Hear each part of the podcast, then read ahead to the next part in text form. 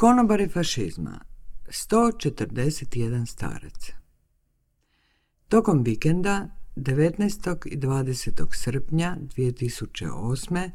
mjestom Key West na Floridi šetao je 141 Ernest Hemingway. Hemingwayi iz cijele Amerike okupili su se u Key Westu zbog učešća u natjecanju za najveći stupanj fizičke sličnosti između slavnog pisca i njegovih surogata. Ove godine pobjedio je surogat Tom Grizzard u veoma jakoj konkurenciji, kažu. Na fotografiji koja je obišla svijet vidi se skupina veselih djedica koje sliče na djedove mrazove odbjegle od svojih božićnih dužnosti, odnosno na Ernesta Hemingwaya. Starci koji se svake godine okupljaju u Key Westu na Hemingwayev rođendan takmičili su se u pecanju i pisanju kratkih priča. Još jedan starac Istoga dana, 21. srpnja 2008. kada je uhapšen dvojnik Radovana Karačića, u Hrvatskoj je u 87. godini života umro Dinko Šakić. Dinko Šakić bio je zapovjednik Ustaškog koncentracijskog logora Jasenovac gdje je efikasno egzekutirao židove, srbe, rome i komunistički orijentirane Hrvate. Nakon rata sretno je pobjegao u Argentinu, a argentinske vlasti izručile su ga Hrvatskoj tek 1999. gdje je osuđen na 20 godina zatvora. Mnogi Hrvati osudu starca Dinka Šakića doživjeli su kao nepravdu, jer je ista ta nezavisna država Hrvatska u kojoj je Dinko Šakić ubijao židove, rome, srbe i nepodobne Hrvate, po mišljenju lokalnog popa, citiram, temelj današnje domovine Hrvatske što je pak teza koju je godinama utemeljivao prvi hrvatski predsjednik nakon Ante Pavelića i otac hrvatske nacije Franjo Tuđman. Citiram, to je razlog da se svaki pošteni Hrvat ponosi imenom Dinka Šakića. Izjavio je za novine pop Vjekoslav Lasić, dodavši da je ponosan što je na odru vidio Šakića u ustaškoj uniformi. Na ispraćaju starca Dinka Šakića na zagrebačkom groblju Mirogoje okupilo se 24. srpnja 2008. godine nekih tristotinjak ljudi. I još jedan starac. Samo nekoliko dana nakon uhićenja balkanskog mesara ili Osama bin Ladena Europe, to prema Richardu Holbrooku, točnije 24. srpnja 2008. na sam dan pokopa Dinka Šakića, 400 km zapadno od Beograda, uskrsnuo je iz groba jedan starac. Zvonko Bušić Tajko, hrvatski Mandela ili najslavniji hrvatski emigrant, kako su glasile naslovnice hrvatskih novina, sletio je na zagrebački aerodrom euforično dočekan masom od nekih petstotinjak ljudi. Bušić se vratio u Hrvatsku nakon 32 godine provedene u američkim zatvorima. Bušić je zajedno sa svojom ženom, amerikankom Julien Eden Bušić i nekolicinom prijatelja oteo davnih 70. godina američki avion koji je letio prema New Yorku jer je želio upozoriti svijet na nepravedan položaj Hrvatske u bivšoj Jugoslaviji. Ova gesta političkog aktivizma, kako su to definirale hrvatske novine, završila je neslavno jer je od Bušićeve eksplozivne naprave poginuo američki policajac, dok je drugi ostao bez oka, pa su Bušić i njegova žena zatvoreni. Julien je puštena iz zatvora u osvit nezavisne Hrvatske, zaposlila se u Hrvatskoj ambasadi u Washingtonu, kasnije u Hrvatskoj, u osiguranju Franje Tužmana, a kasnije joj je Hrvatska vojska sagradila vilu na Jadranskom moru, da bi se Julien u potpunosti mogla posvetiti pisanju autobiografskog romana Ljubavnici i luđaci, Lovers and Madmen i političkim aktivnostima lobiranja za povratak muža iz zatvora. Među okupljenima na Zagrebačkom aerodromu bilo je hrvatskih političara, rodoljuba, pop pjevača i popova, djece koja su sjedeći na ramenima svojih očeva pokazivala prema kamerama svoje crteže dobrodošlice, mladih koji su uzvikivali ustaške parole za dom spremni i pjevali ustaške pjesme. Hrvatski Mandela održao je rodoljubni govor i citirao stih iz Gundulićeve poeme Osman, koji zna na pamet svaki hrvatski osmaškolac. Kolo sreće okreće se, vrteći se ne pristaje, tko bi gori, eto je doli, a tko doli, gori ostaje. Zvonko Bušić je nedvosmisleno dodao da se on, zahvaljujući dragome Bogu i nezavisnoj Hrvatskoj, konačno sam u slobodnoj domovini, uspeo gore dok su prema logici kotače sudbine njegovi neprijatelji pali dolje. Jedini koji je, dan kasnije, kratko prokomentirao proslavu Bušićeva povratka bio je hrvatski predsjednik Stipe Mesić, koji je rekao njegov motiv mogao je biti domoljuban, ali metoda koju je primijenio je teroristička metoda. Dr. Welbing and Mr. Hyde. Nakon završetka vikenda, minutu nakon ponoći, 21. srpnja 2008. u svim svjetskim medijima pojavila se fotografija starca s dugom sjedom bradom i sjedom kosom koketno skupljenom na vrhu u neku vrstu deminutiva samurajskoga perčina. Starac je izgledao kao da je ispao iz fajla nekog hollywoodskog agenta, kao glumac prikladan za uloge Merlina i Gandalfa u filmskim bajkama. Starca je uhapsila srpska policija u trenutku kada je ulazio u autobus broj 73. Starac je policiji predočio identifikacijsku iskaznicu na kojoj je pisalo Dragan Dabić, odnosno Dragan David Dabić, 3D, da bi se nešto kasnije uspostavilo da je njegovo pravo ime Radovan Karadžić. Od trenutka Karadžićeva hapšenja mnogi farsični detalji naplavili su svjetske medije.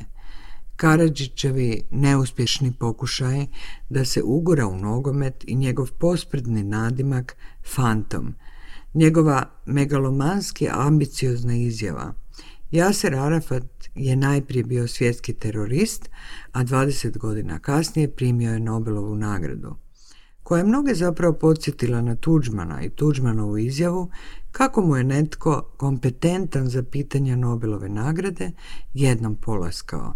Gospodine generale, da niste Hrvat, sigurno biste dobili Nobelovu nagradu i nadalje o Karadžićevu penjanju na zgradu Filozofskog fakulteta u vrijeme studentovanja i frenetičnom 68. govoru Skrova, o njegovu policijskom doušništvu, o njegovim financijskim utajama i pronevjerama, o njegovoj dječjoj zbirci Ima čuda, nema čuda ili Sad me vidiš, sad me ne vidiš, o omiljenoj krčmi luda kuća, o navodnoj ljubavnici, koja također ima dva imena, o njegovom website dućanu gdje se mogu kupiti mali wellbeing, naravno od wellbeing, ili, citiram, krstoliko kompozicija najmanjeg wellbinga za ličnu zaštitu i nošenje na grudima, te veliki wellbing ili,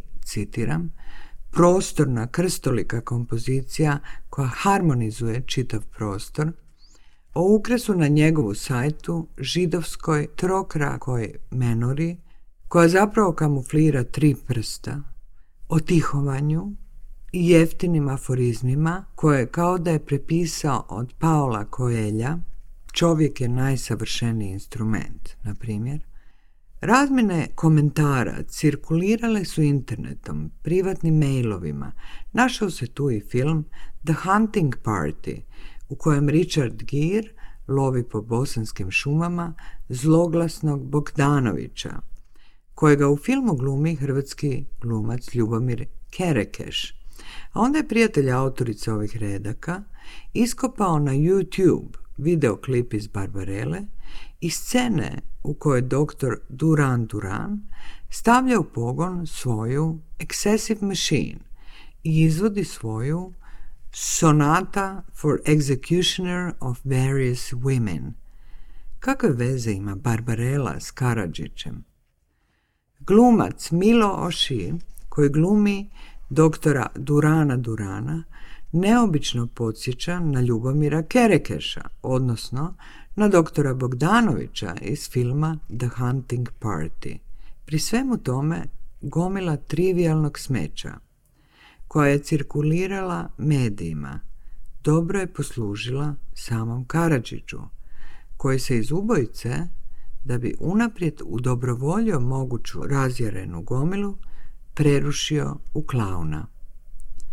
Fascinirani farsom prerušavanja Mnogi su zaboravili da isti taj Karadžić Bogdanović Dabić sjedi na gomili anonimnih ljudskih leševa, kao i da postoji velika, tiha, bezimena gomila svjedoka, kojoj je sav taj medijski cirkus oko Karadžića pao kao so na ranu. Ne pada snijeg da pokrije brijeg. Dokumentarni film Pavela Pavlikovskoga Serbian Epics najprecizniji, najjasniji i do sada najpotpuniji portret Karadžića napravljen je davne 1992. godine. U filmu Karadžić jasno podiže optužnicu protiv samoga sebe. U međuvremenu je Karadžićev kriminalni dosje postao notorno javan, a nove pojedinosti koje su preplavile medije nakon njegova hapšenja samo su potvrdile to što smo svi znali, da je Karadžić patološki tip, varalica, policijski doušnik, pokeraš, lažov, prevarant, šibicar, lopov, ravnodušni ubojica, egomanijak, kukavica, lukavac, tip koji hladnokrvno sjedi na gomili leševa ljudi koje je sam pobio i pritom u glavi zuji samo jedna misao, kako da sam preživi. Postoji ogromna ljudska mašinerija koja je Karadžića održala na životu. Ona ista mašinerija koja je godinama držala Miloševića na životu. Sluge, istomišljenici, obožavatelji, pomagači, sitni krupni kriminalci, policija, državni aparat, političari, ubojice, ratnici, pacijenti, žene, prijatelji, popovi, crkva, vjernici, krimosi, dileri, bolesnici i obični ljudi koji u životu nikome nisu nanjeli zlo. U ovome času mnogi Srbi pale svijeće i mole za svog haškog optuženika, mladi bjesni ljudi sa četničkim šajkačama na glavi, predvođeni djecom, dječakom, sa četničkom šajkačom na glavi i djevojčicom marširaju Beogradom i izvikuju parole podrške Karadžiću, prijete srpskoj vladi, Haškom tribunalu, svijetu. Mnogi Srbi koji inače ne znaju što da rade kada se dogodi iznenadni udar u njihovu domaćinstvu, kada se na primjer pokvari slavina u kupovnici ili kada im žena završi u bolnici, najednom pokazuju vrsne organizacijske sposobnosti i političku agilnost. Uhapšen je Karadžić, izvršen je težak udar na njihovo srpstvo. Na vijest o hapšenju Karadžića 2001. godine, na primjer, promptno su organizirani odbrambeni skupovi u rodnom selu Radovana Karadžića i još nekim mjestima u Crnoj Gori. Okupile su se pristaše iz Crne Gore i Srbije, zaorile su se četničke pjesme, popovi su kadili zrak kandilima, Karadžić je proglašen hajdukom, bratom, pjesnikom, ratnikom, junakom, svecem i simbolom srpstva. Ljudi su padali u pjesničke zanose. Ne dajmo Karadžića, probudi se srpska vatro, radovan je iskra u kamenu, ko je izdao iskru neka je proklet i neka mu je sve prokleto po hiljadu puta. Prisutnima su dijeljene maske s Karadžićevim likom, maske iz crnogorskih zabiti poručivale su svijetu svi smo mi Radovan Karadžić. Drugim riječima, ljudi iza masaka drsko su priznali svoje saučešništvo u genocidu, onom stvarnom ili onom mentalnom. Je li Karadžić zaista ekskluzivno srpski monstrum? Ne zaboravimo na detalje. Karadžić je granice među tako nepomirljivo različitim narodima kao što su Hrvati, Srbi, Bosanci, Crnogorci, prelazio lako. Ljetovao je u Hrvatskoj i pritom tvrde svjedoci napravio samo jednu jezičnu grešku, a granicu Austrije prešao je s hrvatskim pasošem koji je glasio, priča se, na bezobrazno simbolično prezime Petar Glumac – na kraju se, ako zbog ničeg drugog, a ono zbog Karadžićeve dugovječnosti i sposobnosti da iskrsava kao Feniks, postavlja pitanje koliko smo zaista svi mi Radovan Karadžić.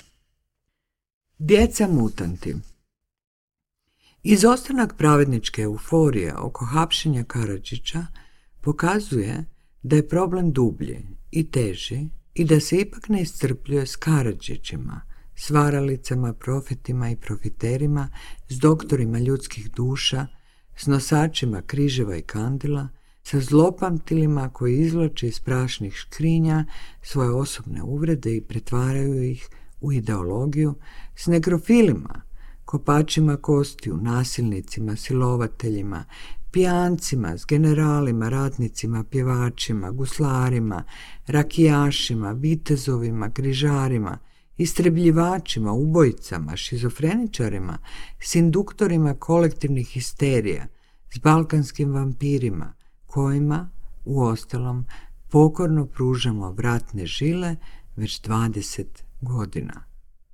Problem je u tome da svi ti konobari fašizma, kakav je i Karadžić, ne nadmašuju sebe u veličini zla koje proizvode, nego u nevidljivoj tvari, u sjemenu koje ostavljaju za sobom u svojoj budućoj djeci. A ta djeca, mutanti, nikli su zdravi lijepi u ovih 20 godina. To su djeca sa šekačama na glavi, koja su demonstrirala u Beogradu protiv Karadžićeva hapšenja. To je Marija Šerifović, koja je euforično pronijela svoje tri prsta cijelom Europom, iako nije znala točno objasniti čemu služe.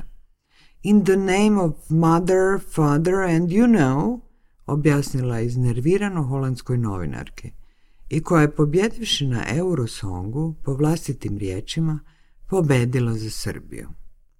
To su oduševljeni pristalice srpskog radikala Tomislava Nikolića, autora izjave Bog je stvorio svijet za šest dana, a ja sam ga uzdrmao za dva. To su prebijači Roma i homoseksualaca po beogradskim ulicama, to je ona razgaljena gomila na koncertima Cece Ražnjatović Arkan. Ti mladi mutanti djeca su iz Bosne, koja divljaju za vrijeme nogometnih prvenstava i omataju se u hrvatske, srpske i turske zastave kao u nevidljivu placentu. To su djeca iz srednje škole u Makarskoj koja su se za školski godišnjak nedavno fotografirala s kukastim križem u pozadini iz Afrikancije. To nije kukasti križ, nego indijski simbol ljubavi i mira, objasnio je pitamo jedan učenik i šetala u majicama na kojima se kočio slogan Über alles. Mi smo htjeli reći maturirali smo, gotovo je, iznad smo svih, objasnio je još pitomije druge. To su djeca koja se na koncertima Marka Perkovića Thompsona pojavljuju odjevena u ustaške uniforme. To su djeca koja urlaju ustaške i četničke pjesme. To su mladi članovi obskurnih profašističkih stranaka po Srbiji. To su djeca s tetovažama, na čijim se tijelima koči Pavelićev lik. To su kupci u dućanima u kojima se fašistički suveniri slobodno prodaju. To su hrabri prebijači turista, stranaca, crnaca, homoseksualaca i Roma. To su djeca koja oko vrata nose križeve djeca koja uredno posjećuju katoličke i pravoslavne crkve i muslimanske džamije. To su mladi četiri koji, pretpostavljam, znaju za svoju braću među mađarskim mladim fašistima. Mađar garda, što su se digli da štite mađarske vrijednosti i kulturu. Među bugarskim mladim fašistima, koji iz jakih ideoloških razloga prebijaju Turke i Rome – među brutalnom ruskom djecom koja pribijaju na smrt sve one čije je koža od Putinove, među ekofašistima njemačke radikalne desnice. Ta djeca su mladi Hrvati, Srbi, Crnogorci i Bosanci koji po otvorenim i zatvorenim web forumima siju i kale svoju mržnju i najavljuju da rat još nije gotov. Pritom nisu sami ni usamljeni. Tu su roditelji, porodica, srpstvo, hrvatstvo, turska zastava. Niti su originalni. Fašizam u ostalom i živi od konobara i konobarenja. Lokalne novine, lokalne vlasti i lokalni političari ne obraćaju pažnju na djecu, na slučajeve, na huligane, na izgrednike, na neugodne, ali razumljive incidente, inače uspješne tranzicijske svakidašnjice. Radovan Karadžić u svojim Hugo Boss dijelima može mirno ušetati u Hašku sudnicu.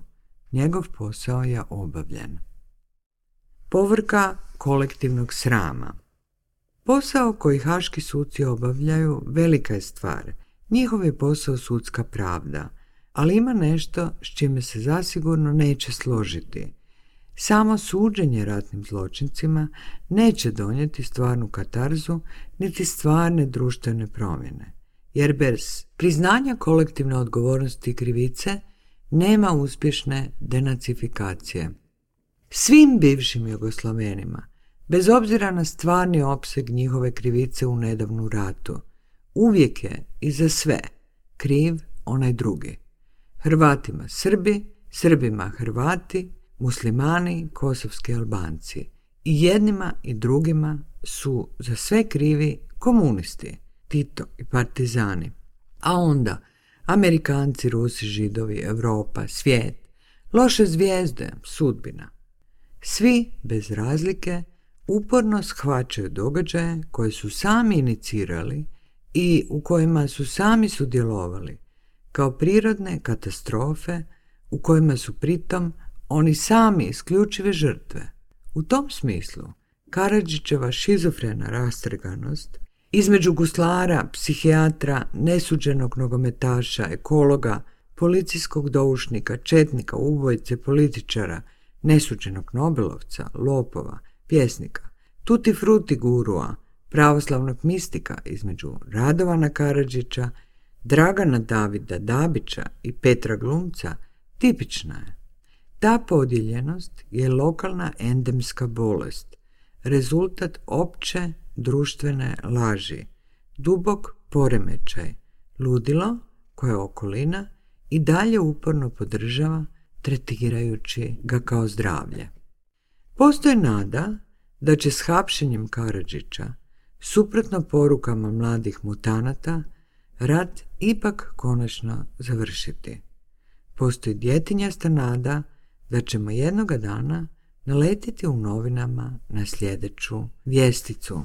Dana 21. srpnja 2018. godine na dan hapšenja zločinca Radovana Karadžića, osuđenog na pravednu smrtnu kaznu zbog genocida u Bosni, crnogorskim mjestom Meljine, poznatom po tradicionalnom festivalu guslarenja, prolazila je povorka kolektivnog srama – koja se sastojala od 141 starca. Starci su imali lažne sjede brade i lažne sjede kose skupljene na tjemenu u perčin i dobrovoljno su se izlagali pljuvanju publike koja se i ove godine okupila u velikom broju da bi sudjelovala u ritualu pokajanja. Ovim ritualom starci svake godine radi se o novim dobrovoljcima i svatko ima pravo sudjelovati u ritualu samo jednom, da bi mnogi zainteresirani volonteri mogli doći na red, izražavaju svijest o počinjenim zločinima, o tome da su zločini vršeni u njihovo ime, s njihovim punim znanjem ili čak s njihovim sudjelovanjem i duboko se ispričavaju svim žrtvama.